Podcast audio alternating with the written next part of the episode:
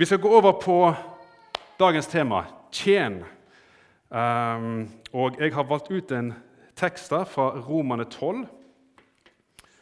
uh, vers 9-21. Så den kommer på skjermen her. I Jesu navn. La kjærligheten være oppriktig, avsky det onde og hold dere til det gode. Elsk hverandre inderlig som søsken. Sett de andre høyere enn dere selv. Vær ikke lunkne, men ivrige. Vær brennende i ånden og tjen Herren. Vær glad i håpet, tålmodig i motgangen, utholdende i bønnen. Vær med og hjelp de hellige som lider nød, og legg vind på gjestfrihet. Velsign den som forfølger dere, velsign og forbann ikke. Gled dere med de glade, og gråt med dem som gråter. Hold sammen i enighet. Gjør dere ikke for høye tanker, men hold dere gjerne til det lave, og vær ikke selvkloke. Gjengjeld ikke ondt med ondt. Ha tanke for det som er godt for alle mennesker. Hold fred med alle, om det er mulig, så langt det står til dere. Ta ikke hevn, mine kjære, men overlat vreden til Gud, for det er så skrevet:" Hevn hører meg til, jeg skal gjengjelde, sier Herren. Men er din fiende sulten, så gi han mat. Er han tørst, så gi han drikke. Gjør du det, så samler du glødende kull på hans hode. La ikke det onde overvinne deg, men overvinn det onde med det gode. Så som jeg sa, Dere har et sentralt tema for søndagsmøtene her i Misjonssalen for tiden. Det å vitne, eller være et vitne. Og det å være Kristu Kristi vitner. Det er enkelt og greit grunnen til at vi er her. Det er grunnen til at vi er her i misjonssalen i, i, i, dag, og det er grunnen til at vi fremdeles er her på jord. I Apostelgjerne 1, vers 8 så får vi misjonsbefalingen ordlagt på en litt annen måte enn i evangeliene ellers. Men dere skal få kraft når Den hellige ånd kommer over dere, og dere skal være mine vitner i Jerusalem og hele Judea, i Samaria og helt til jordens ende.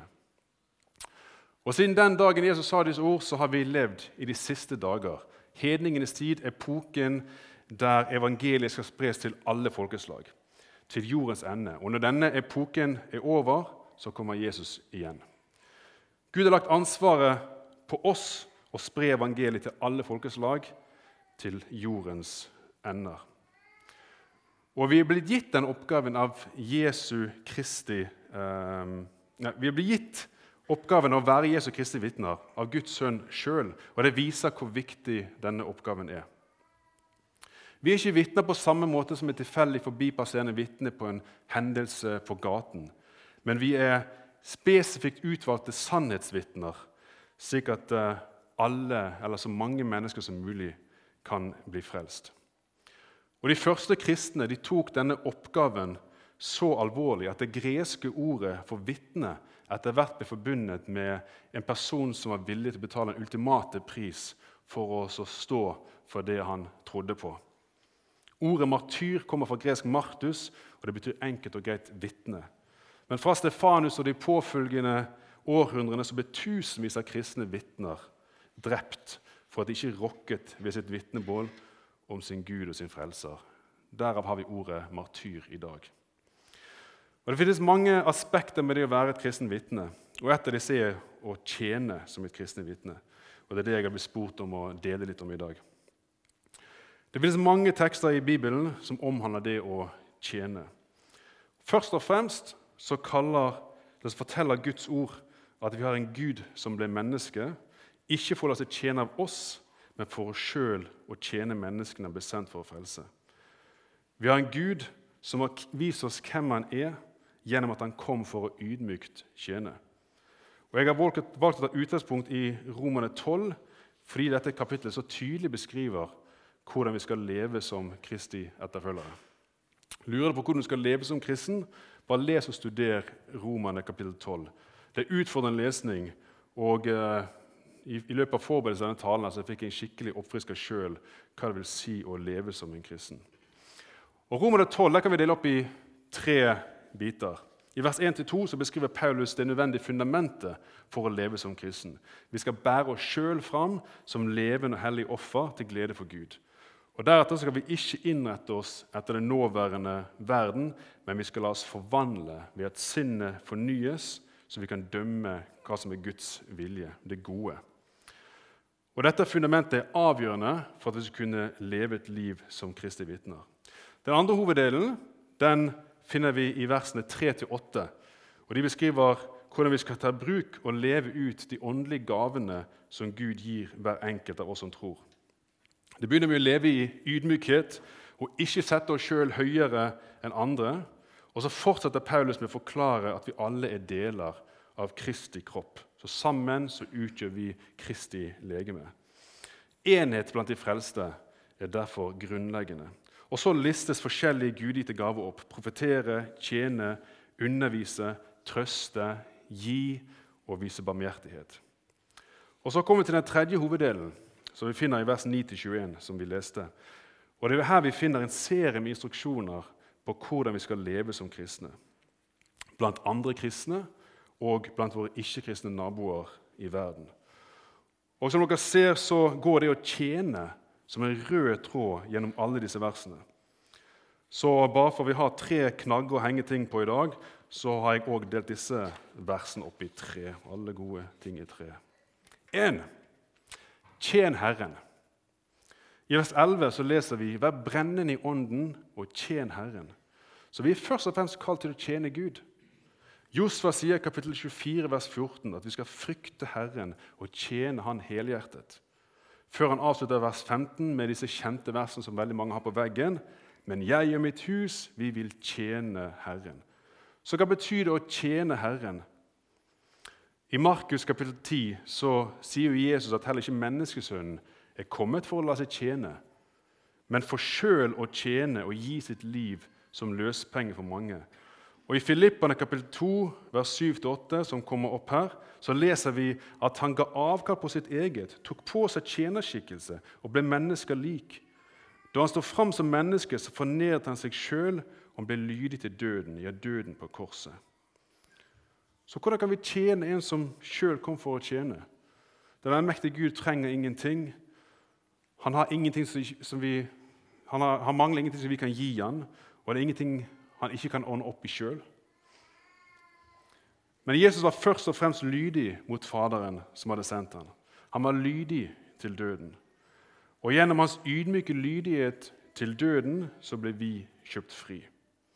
Og ved at han tok på seg en tjenerskikkelse, som vi leste, så var han det perfekte eksempel som vi skal etterfølge. Så det å tjene Gud det betyr derfor to ting. At vi villig og ydmykt skal underkaste oss Gud, på samme måte som menneskesønnen villig og ydmykt underkaster seg Faderen. Og det andre er at vi skal gjøre som han sier i sitt ord, på samme måte som menneskesønnen gjorde det som Faderen hadde befalt ham. Johannes evangeliet kapittel 14, vers 31, så leser vi Men verden må få vite at jeg elsker Far, og at jeg gjør som Far har befalt meg. Og Vi vil at verden skal vite at vi elsker Gud, så derfor så gjør vi også som Han har befalt oss. Vi er ydmyke og vi er lydige mot Hans ord. Vi gjør ikke vår vilje, men Hans vilje. Og I Johannes evangeliet 20, vers 21 så står det Fred være med dere. Som Far har sendt meg, sender jeg dere. Som Far har sendt meg, sender jeg dere. Nummer to tjen de hellige. I vers 13 i dagens tekst så leser vi Vær med og hjelp de hellige som lider nød, og legg vind på gjestfrihet. Og Dette er ikke eneste plassen i Bibelen der vi ser at vi først skal prioritere kristne søsken i nød. I Galatane 6, vers 10 så står det så la oss gjøre godt mot alle så lenge det er tid, og mest mot dem som er vår familie i troen. Så Det er tydelig at det er en bibelsk prioritering her. Og Det er også derfor jeg har listet dette som nummer to før vårt tredje punkt. Quintus septimus florens tertulianus, eller bedre kjent som Tertulian, som flere har hørt om. Han var en av oldkirkens første teologer og apologeter. Han var fra Kartago, en eh, oldtidsby i Nord-Afrika. Den er, ligger der som en forsted til Tunis i Tunisia eh, ligger i dag. Han levde fra år 155 til etter år 220 en gang. Og I en tid med økende forfølgelse og, og eh, opposisjon mot kristendommen så skrev Tertullian et brev. Dette brevet ble kjent som Apologeticus, et forsvarsbrev. Han skrev det til de romerske myndighetene, der han ba om rettferdighet for kirken, og han sto opp for evangeliet. Brevet inneholder over 35 000 ord, over 50 kapitler, så jeg skal nøye meg bare ta ut et lite utdrag. For det beskriver nemlig tydelig hva den kristne kirke betydde i begynnelsen. Skal vi lese her hva han skriver i ditt utdrag. På den månedlige dagen, om man vil, så gir hver enkelt en liten donasjon, men bare om det er med glede, og bare om man kan. For det er ingen tvang, alt er frivillig. Disse gavene er et fromhetsfond, for de er ikke siden tatt og brukt på fester, fylleslag eller middager, men for å støtte og begrave fattige mennesker og møte behovene til jenter og gutter uten muligheter og uten foreldre, og for eldre mennesker som ikke kan bevege seg utendørs, for den som har litt skipsnød, og om det skulle være noe inn i gruvene eller forvist til øyene eller satt i fengsel for ingenting annet enn deres trofasthet mot Guds kirkes sak. De er de troendes ammende barn. Så Tertullian sammenligner med andre ord menighetens omsorg for deres lidende brødre og søstre i troen som en mors omsorg for sitt ammende barn. Jeg synes Det er et utrolig talende bilde. Vi har en liten syv måneder gammel baby her, og ingenting er så nydelig og et så tydelig bilde på omsorg som når, når Nadia ammer eh, den lille gutten vår. Og Det er også i denne konteksten vi finner et av Tutulians mest siterte sitater. som dere flere sikkert har hørt. Men det er hovedsakelig for gjerninger født ut av edel kjærlighet som får mange til å sette et kjennemerke på oss. Se, sier de, hvor de elsker hverandre. Dem selv er drevet av gjensidig hat. Se hvordan de til og med er villige til å dø for hverandre. Dem selv vil heller ta liv. Så De første kristne ble altså kjent for hvordan de elsket hverandre og tok vare på hverandre. I et ellers hedensk og gudløst samfunn så var de kristne et lys i mørket. Og Tertullian var ikke alene om å dokumentere de kristnes oppofrelse for hverandre. For I løpet av to epidemier som sveipet over det eh, romerske riket i, år, i det andre og tredje århundre, så demonstrerte kristne radikal forpliktelse til å tjene de syke og de døende mens de andre innbyggerne i byene flyktet eh, for å redde seg sjøl fra smitte. Og I år 250 så krevde en epidemi millioner av liv i det romerske riket. Bare i Alexandria i Egypt så døde to tredjedeler av befolkningen. Og Biskopen han beskriver hvordan de kristne oppførte seg i Alexandria eh, under den krisen. De fleste av våre kristne brødre viste en ubegrenset kjærlighet og lojalitet. De sparte aldri seg sjøl og tenkte bare på hverandre. Uten tanke på fare tok de ansvar for de syke, så til alle deres behov og tjente dem i Kristus. Og sammen med dem forlot de dette liv stillferdig lykkelig, for de var smittet av andre med sykdommen. De tok på seg sykdommen til deres neste og gladelig aksepterte deres smerte. Mange, gjennom å pleie og hele andre, endte med å overføre døden over på dem selv og døde i deres sted. De beste av våre brødre mistet sine liv på denne måten. Så denne fantastisk edle selvoppofrelsen den ble omsider en inspirasjon for senere generasjoners kristne i hvordan de responderte til syke og døende. Uh, I en bok som heter 'The Rise of Christianity', som er skrevet av Rodney Stark ved Baylor University i Texas, så sier han det at uh, de kristnes vilje til å sitte ved sengekant til døende og dermed risikere å bli smittet sjøl, det sprang ut av deres håp om evigheten og en dyp overbevisning om at den de tjente, det var, de, det var, Kristus. De tjente Kristus ved å tjene sine døende uh, nester. De så Kristus i sin døende neste. Og Etter hvert så skulle det som i dag er kjent som hospital eller sykehus, det ble utviklet i disse som kristne institusjoner tilknyttet disse kirkene som vokste gjennom Europa og Nord-Afrika. Hospitalene det sprang ut av kirkene basert på kristens dype overbevisning om å tjene sin Gud og tjene sin neste. Og jeg synes Det er litt trist at i dag så er alle helsetjenester i Norge og i Vesten de er, de er sekularisert. Så dessverre så er Kirken og de kristne de er spilt ut på sidelinjen etter hvert som staten har blitt omsorgsgiver for alle innbyggere, fra vugge til grav. Så Derfor så våger vi å si det sånn at på mange måter så har velferdsstaten den har på flere måter avvæpnet Kirken. Nummer tre tjen din neste. Så Guds bud om at vi skal elske og vise omsorg for vår neste, det stopper ikke ved våre kristne søsken, selv om vi har et ekstra ansvar overfor for hverandre. Vi er kalt til å elske alle, inkludert våre fiender. Og Dette går igjen både i Det gamle og Det nye testamentet. Og I ordspråkene 25, 21, 22 så står det Er din fiende sulten, så gi han mat. Er han tørst, så gi han vann og drikke. Da samler du glødende kull på hans hode, og Herren skal lønne deg. Og Legg merke til at det er det samme verset som Paulus refererte til i uh, prekenteksten som vi har i dag. Å samle glødende kull på noens hode det betyr å gjengjelde ondt med godt. Og det vil, resultere i en skamfølelse hos fienden. Og dette igjen kan lede til anger og omvendelse. Så Gud elsker alle mennesker, og han vil at alle skal kjenne han. Og Det ser vi gjennom hele Bibelen. Det er ikke noe nytt i Nytestamentet. I Jonas' bok så understreker Gud for Jonah hvor mye han elsker menneskene i Ninive, og at det var derfor han sendte Jonah dit for å forkynne omvendelse. Et folk som var fiende av jødene et hedens folk. Så av alle versene i teksten vi har som utgangspunkt for dagens eh, preken, så handler faktisk mesteparten av dem hvordan vi skal oppføre oss mot våre naboer utenfor kirken. Våre ikke-kristne medmennesker. Vi skal prioritere våre kristne søsken i nød, men Bibelen er helt tydelig på at vi skal vise omsorg for alle mennesker. Og fordi kristne opp gjennom historien har fulgt dette, så har verden blitt forvandlet. Alt godt på denne jord er kommunisert til oss gjennom denne bok, sa Abraham Lincoln. Og han hadde så rett. Alt godt i verden kommer fra Gud. Og alt godt har blitt manifestert gjennom kristne som har vært lydige mot Guds ord og tjent Han. Tjent hverandre og tjent sine nester, sine medmennesker. Kristne som ikke har gjort seg sjøl for høye tanker, som det står, men holdt seg til det lave og ikke vært selvkloke.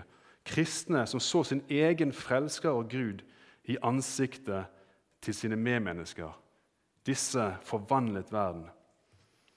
Så Derfor så er i dag selv den mest hardbarka ateist i, verden, i, Vesten eller Norge han er gjennomsyret med kristne verdier.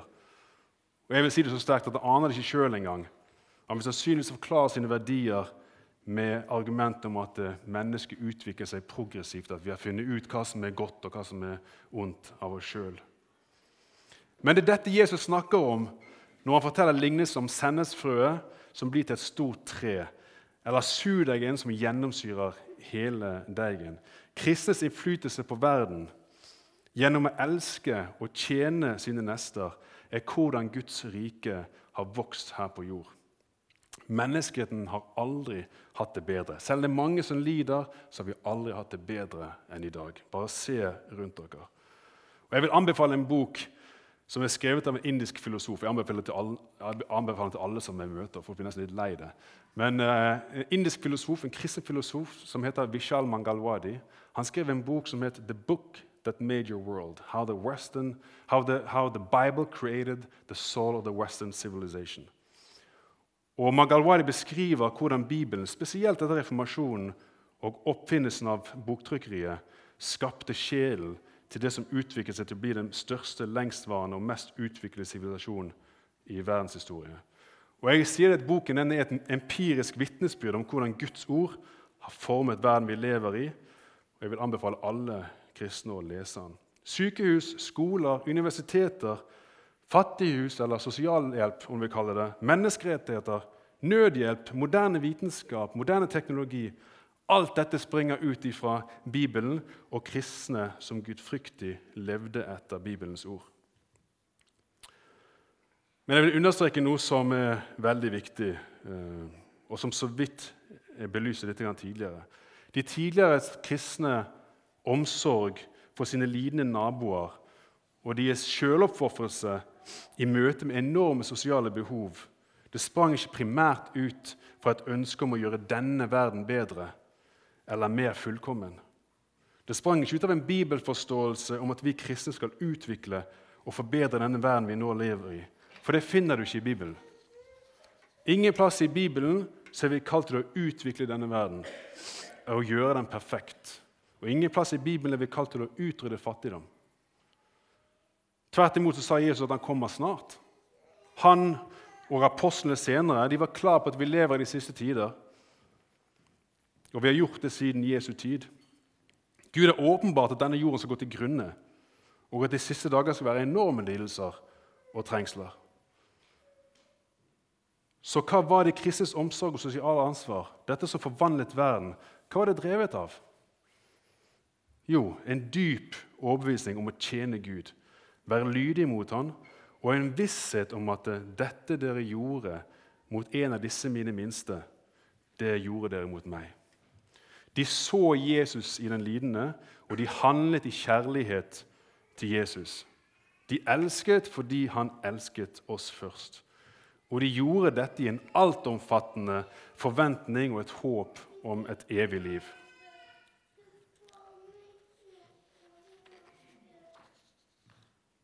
Men vi skal fortsette med samme styrke og hengivenhet og vise omsorg og nestekjærlighet for våre medmennesker, slik våre kristne søsken gjorde i tidlige tider. For ved å gjøre det, tro mot Gud og Skriften, så vil verden bli et bedre sted. Samfunnet rundt oss vil bli forvandlet. Kanskje ikke i vår levetid, men så lever vi heller ikke for oss sjøl. Vi lever for andre. så Derfor er det uvesentlig om vi ser forbedringen sjøl eller ikke. Og Det er heller ikke motivasjonen. Motivasjonen er å tjene Gud. Dette fikk jeg smake veldig på i disse årene jeg har vært ute nå. Hvis jeg skulle vært drevet av å se utvikling i landet jeg har jobbet i, så hadde jeg mistet motet. Men jeg var drevet av Guds kjærlighet mot enkeltindividene. Se, se Jesus i øynene på de som vi tjente. Og det gir oss motivasjon dag etter dag. Da jeg funderte over hvordan jeg skulle tale over dette temaet, tjene, så lurte jeg på hvordan det skulle komme konkrete forslag og eksempler på hvordan vi kristne kan tjene de rundt oss. Men etter hvert som jeg studerte teksten som jeg valgte, og Bibelen ellers, tilhørende bibelvers, så ble den litt for overfladisk tilnærmelse. så Derfor så har jeg snakket om det sånn som jeg har gjort. Men jeg vil bare være litt konkret helt til slutt. For selv om jeg mener at det er Kirken, og med Kirken så mener jeg ikke bare Den norske kirke, jeg mener den Kristi kirke på jord Selv om vi i stor grad har blitt avvæpnet, som jeg brukte det ordet, og satt på sidelinjen når det kom til å være omsorgsgiver i samfunnet, så mener jeg det fremdeles rom å fylle. Husk at vi elsker fordi Gud elsket oss først. Når vi ser folk på gaten og føler omtanke og kjærlighet for dem, så er det fordi vi vet at den personen er skapt i Guds bilde og i Guds likhet, og han er elsket av Gud. Gud vil ha samfunn med hver enkelt. Og når vi lever i denne vissheten, så vil øynene våre åpnes opp for nøden rundt oss. Du vil løfte hodet og tanker ut fra egne bekymringer og egne prioriteringer, og du vil aktivt se etter andre menneskers ve og vel. Ja, vi har det utrolig godt i Norge, men det finnes lidelser, så absolutt. Du vil se personlige tragedier, du vil se ensomhet, depresjon, tomhet. Så møt alle du treffer på din vei med Kristi sinnelag. Som det står her i teksten, gled dere med de glade og gråt med dem som gråter. Han skrev det i vers 15. Så Jeg vil avslutte med en siste oppfordring. Ha tid. Vi lever i så travelt samfunn at uh, hvert kaffebesøk må planlegges en måned i forveien. Så ha tid. Ha tid for først og fremst å tjene Gud gjennom daglig bibellesning og daglig bønn. Og så ha tid for kristne søsken som skulle banke på døren, skulle ringe eller sende en melding. Har en kristen søster mistet sin mann? Ha tid til å gå på døren med et middagsmåltid eller tilbud om å hjelpe i hus og hage. Har en kristen bror gått ut i langtids sykemelding, så ring han og hør om du, kan, om du kan hjelpe med han. Om han trenger støtte på noe vis. Har en kollega mistet en far eller mor, Ta deg tid å sette ned og prate med ham etter jobb, og vis omsorg for ham. Og Hvis vi har ekstra kapasitet utover jobb og familie, så tjenestegjør i menigheten som mange gjør her. I søndagsskole, kor, nærmiljøsenter hvis, det, hvis dere har det. Og Hvis vi blir stoppet av en tigger eller narkoman eller hvem som helst på, på gaten, så skal, burde vi ha tid til å stoppe og snakke med vedkommende. Ta en samtale med han. For et person bak den skitne fasaden og Gjerne alkoholånden. Det er et menneske skapt på underfullt vis og i Guds bilde, og vi skal se Gud i den, den eh, personen.